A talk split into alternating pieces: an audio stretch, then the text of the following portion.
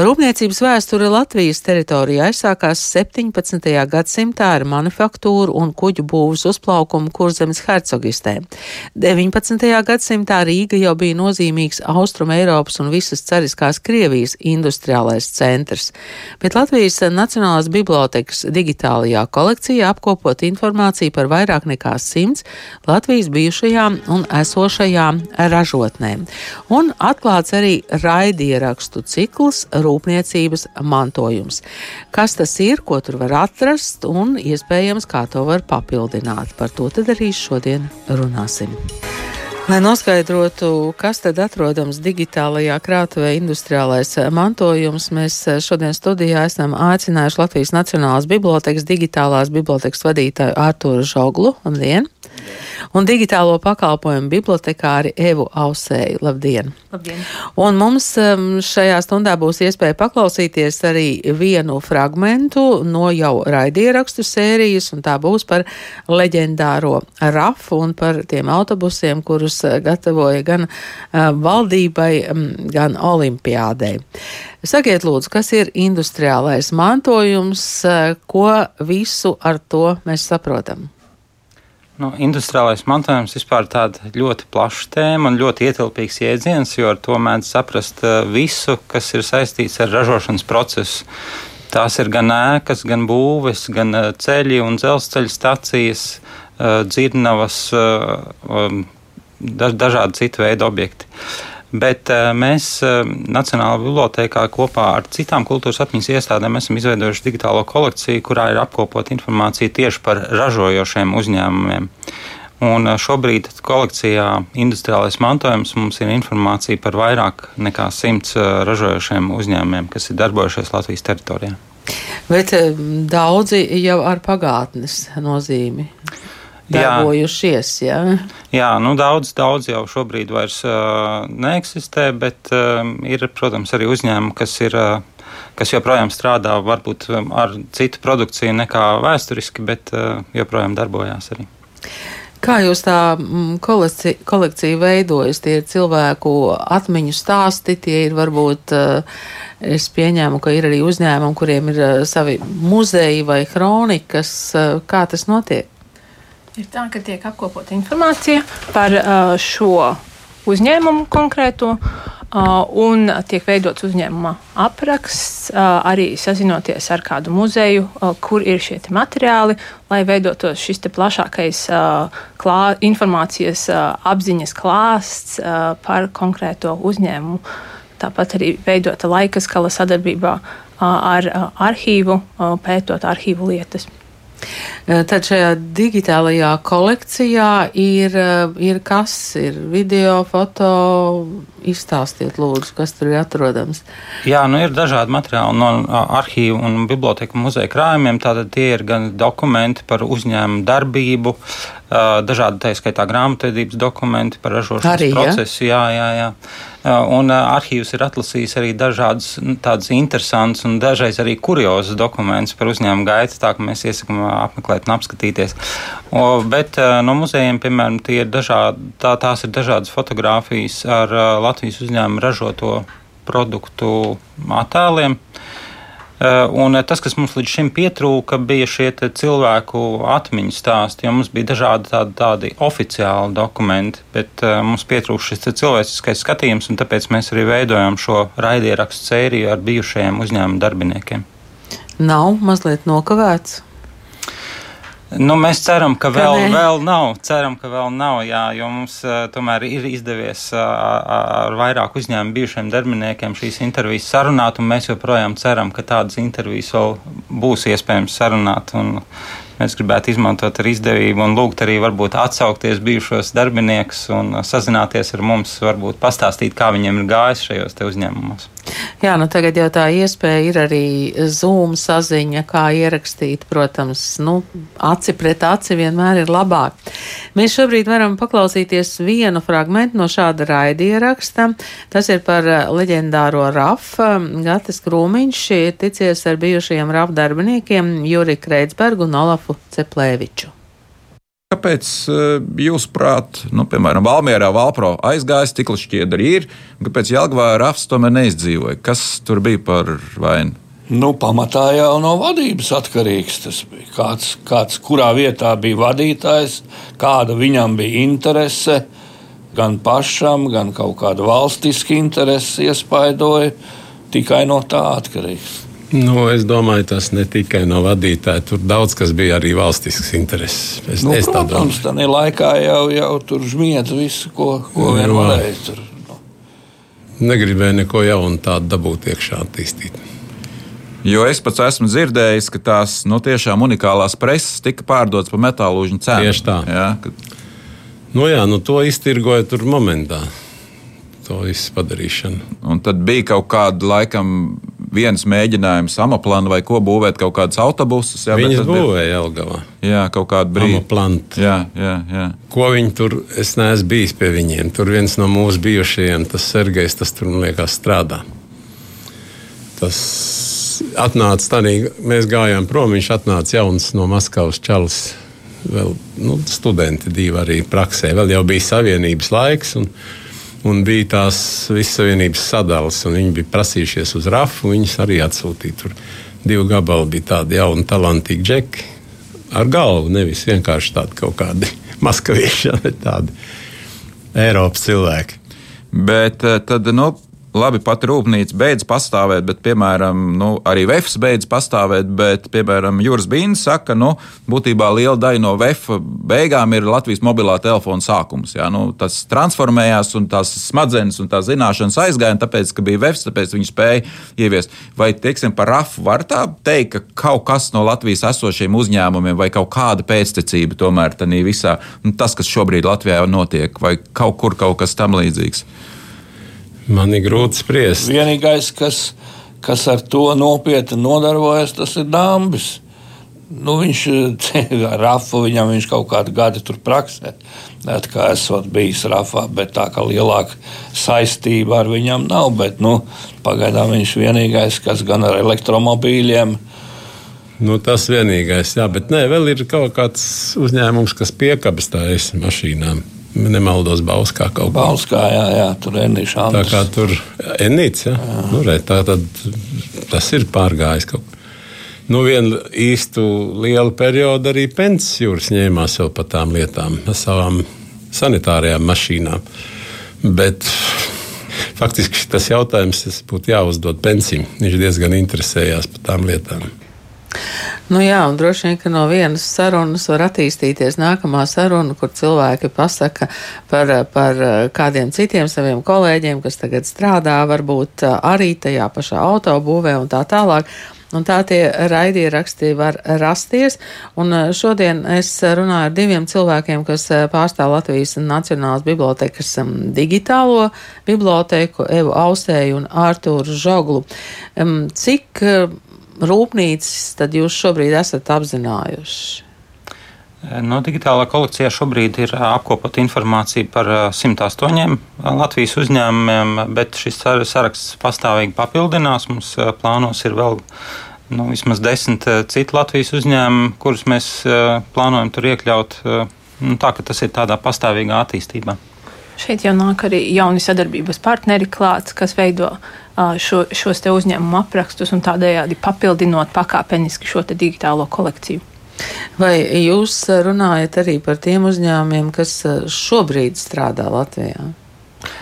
Jā, tā ir skaitā. Jā. Nu, mēs esam attēruši laika periodu no 19. gadsimta otrās puses, kad Latvijā sākās šī industrializācija, līdz, līdz pat mūsdienām. Jā. Mēs mazāk esam apskatījuši tos uzņēmumus, kas uh, dibinās burtiski šajās dienās, un tādu uh, mūsu laiku uzņēmumu, bet uh, mēs pa, pa, pamatā skatāmies uz uzņēmumiem ar vēsturi. Jā. Un daļa, daļa no viņiem, protams, ir arī izdzīvojusi.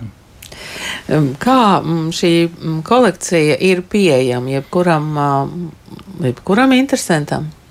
Jā, jebkuram interesantam. Izstāstiet to ceļu, lūdzu. To ceļu. Visvienkāršākais ceļš būs ievadot vienkārši industrija.lv. Mm -hmm. Tā kā latīņu termins industrija bez jēburta. Tas būs vienkāršākais veids, un tad arī caur uh, LNB, Latvijas Nacionālās Bibliotēkas mājaslapu, uh, arī var atrast šo digitālo kolekciju. Tātad šo kolekciju var lasīt, pētīt, bet droši vien, ja kāds grib izmantot kaut kādiem saviem pētījumiem vai grāmatām, tad ir, tad ir jākontaktējās ar jums, jo tad droši vien, ka ir arī autortiesības un vispārējais. Vai jūs varat pateikt, kur ir tā vecākā rūpnīca vai, vai tas vecākais uzņēmums, kas jūsu digitālajā krātuvē ir? Tā, tā grūti pateikt. Mēs zinām, ka daudziem uzņēmumiem tā vēsture ir stipri senāka nekā varbūt pirmajā brīdī šķiet. Piemēram, nu, man pirmais, kas nāk prātā, ir uzņēmums Dzintars, kas ražoja kosmētiku, kas varbūt asociējas ar tādu padomu laiku uzņēmumu, bet viņu vēsture sniedzās arī 19. gadsimtā krietni. Ja. Mēs zinām, ka uzņēmums Laime ir tātad 19. gadsimta otrā puse. Nu, tādi, kas būtu senāki par 19. gadsimtu Es domāju, ka tā, tā vairāk jau ir tāda amatniecība un tāda ražošana. Ja mēs, mēs skatāmies uz to industrializācijas periodu, kas sākās no 19. gadsimta vidus ap, aptuveni Latvijā. Jā, nu šeit es varu papildināt to, ka mēs jau uz uzņēmumiem arī skatāmies uh, daudz plašāk. Jo dažkārt ir tā, ka tas uzņēmuma nosaukums ir mainījies. Un tad tā vēsture arī paver šo iespēju pētīt šo vecāko daļu. Man šķiet, ka pats senākais, ja es tā aizdomājos, droši vien varētu būt cēsu alus, jo, cik es atceros, tur mums vēstures aprakstos bija minētas pat 16. gadsimts, ja, tā, kad cēsu alus, kas joprojām darbojas, ja, tad tas ir ar tādu gadsimtu vēsturu uzņēmums. Tur ir bijuši rūpīgākie kronisti. Acīm redzot, jā. Mm, kādu jūs jūtat to interesi no cilvēkiem par, par šo jūsu digitālo krātuvi? Šeit var teikt no sadarbības partneru puses, ka interese ir iesaistīties, papildināt. Tāpat arī lietotāju skatījumu skaits ir audzis un pakāpeniski aug. Jo šī kolekcija ir salīdzinoši ļoti jauna. Tas ir tikai pirmais gads. Līdz ar to sabiedrība tiek palēnām iepazīstināta ar šo kolekciju, un ar laiku plānosim līdzdarbību, lai var papildināt arī lietotāju šo kolekciju. Un tagad jau arī um, ar podkāstiem. Jā, nu tas, ko mēs varbūt ceram nākotnē, kā attīstīt šo digitālo kolekciju, ir uh, iespēja jebkuram varbūt pievienot arī kaut kādas fotogrāfijas, kā šobrīd izskatās tās ražošanas teritorijas, uh, nu, kas nevienmēr vairs mūsdienās arī pastāv. Jā, bet, uh, nu, kā, kā, kāds ir šodien tas skats uz tām vietām? Vai arī senas fotogrāfijas jūs gaidāt? Protams, jā. jā. Protams, jā. Mm, šeit mums bija saruna studijā ar um, Inetu um, Zanderu Saulīti un um, milzīgā grāmata, kas bija par, par Latvijas modes industriju, elegantā Rīga. Un tur beigās viņai ir ļoti plašs um, amatnieku, kā jūs teicāt, tas saraksts, kur bija cepurnieki, kur bija apavnieki un arī rūpnīcas, starp citu, um, kur ražoja audumus un tā tālāk. Un tas interesantais tajā stāstā bija tas, ko jūs pieminējāt, ka 40. gadā daudzas rūpnīcas vienkārši tika nomainītas uh, tie nosaukumi un tās turpināja darboties. Tā kā Iespējams, arī tur vēl var atrast uh, kaut kādas dziļākas saknes. Bet tagad tomēr par to mm, papildināšanu, kā tas būtu iespējams, uh, kādi ir tie saziņas kanāli, lai cilvēks, uh, vecāks vai jaunāks vai tālāk vai tuvāk, no Rīgas varētu ar jums sazināties, un, un tad jūs varētu runāt par to, vai viņiem ir kaut kas interesants, stāstāms, rādāms. Um, šajā gadījumā varētu sazināties ar mani, uzrakstot e-pastu eva.auseja lnb.lv. Un, uh, tad jau mēs varam uh, skatīties un vienoties uh, par šīm iespējām, uh, vai nu raidierakstu veidot, vai papildināt šo digitālo kolekciju ar jauniem materiāliem.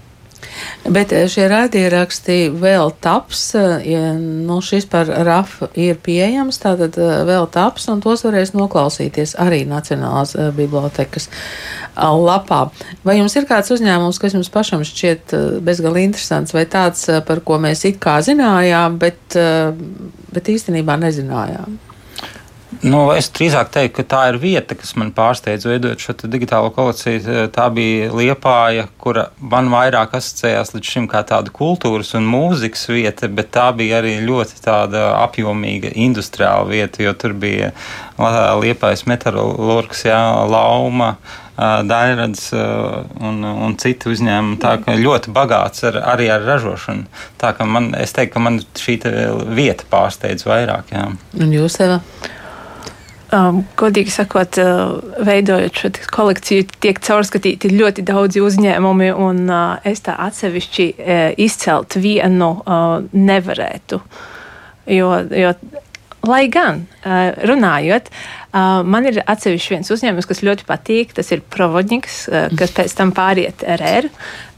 Un, un tas ir ļoti zināms, tajā laikā ļoti zināms uzņēmums, kurš veido šo gumijas produkciju, kas ir trešais vai ceturtais lielākais ražotājs Eiropā tajā brīdī.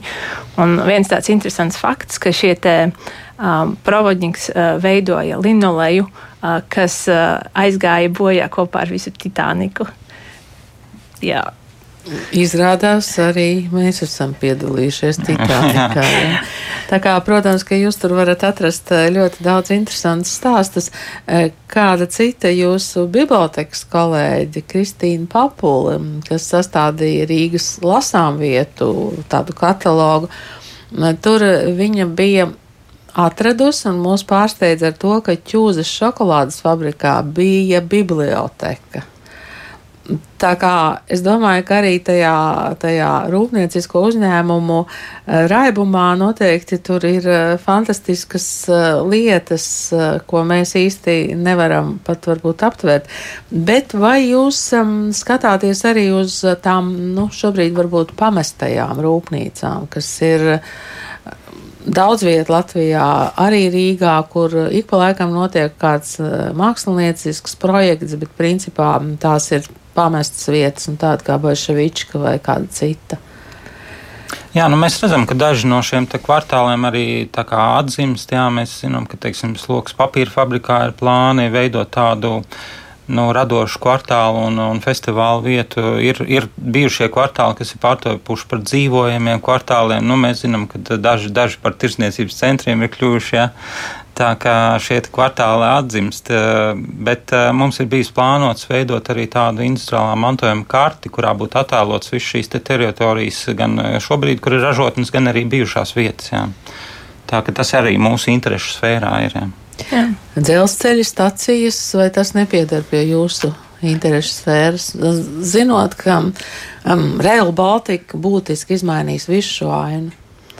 Tā kā Arthurs teica, ka industriālais mantojums ir ļoti plašs un kurā ietilpst arī dzelzceļi, tad uh, šis nākamais solis, kā attīstīt industriālā mantojuma kolekciju, ir ņemt kādu no šīm papildus industrijām klāt, un tajā pašā brīdī dzelzceļš varētu būt ļoti labs, manuprāt, ar ko mēs varētu turpināt šo kolekciju. Tas, kur mēs ar tādu baltu skaudību skatāmies Latvijas dzelzceļa muzeja, ka viņi rīko šādus industriālos pārgājienus šobrīd. Protams, tas ir viss ar dzelzceļa taisīts par bijušām dzelzceļa stacijām, un varbūt to varētu rīkot līdzīgi arī pa šiem te ražotnēm bijušajām, jā, tādus industriālos pārgājienus. Um, kāda ir pieredze pasaulē? Tādi industriālie mantojumi notiek pasaulē? Jā, ļoti populārs. Industriālais mantojums ir ļoti, ļoti populārs pasaulē. Tas ir ļoti izteikts tieši Anglijā, kad šīs bijušās rūpnīcas tiek piedāvātas ekskursantiem apskatīt šīs bijušās iekārtas, viņas darbojas, kāds rūpējas par to, lai pēc tam nākamajās paudzēs redzētu, kā tapa šīs te, šī te produkcija un, un kas tika ražots. Vai jūs tādā tālākā perspektīvā redzētu, ka tā ir ne tikai digitāla kolekcija, bet ka tas varbūt ir, es nezinu, telpisks muzejs?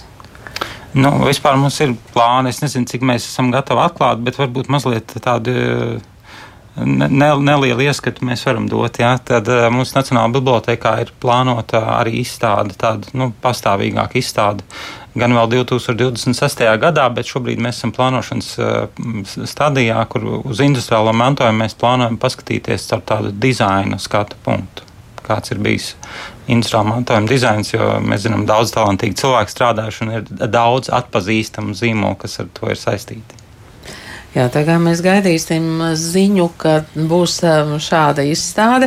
Um, nu, tā tad es vēlreiz lūdzu, Eva, jūs varētu atkārtot savu e-pasta adresi, jo es pieļauju, ka jums var būt daudz interesanti pēc šī raidījuma. Tas būtu ļoti jauki. E-pasta adrese ir eva.auseja at lnb.lv. Paldies jums par šo stāstu. Es domāju, ka tas rosina arī mūs padomāt, eh, cik tālu radiotehnika ir eh, piederīga pie industriālā mantojuma un, eh, un kas mums pašiem ir saglabājies un kas mums varbūt vairs nav saglabājies. Paldies jums šodien. Šeit studijā bija Latvijas Nacionālās bibliotekas digitālās bibliotekas vadītājs Artūrs Žaugla un digitālo pakalpojumu bibliotekāra Eva Ausēja. Paldies jums! Paldies! Paldies.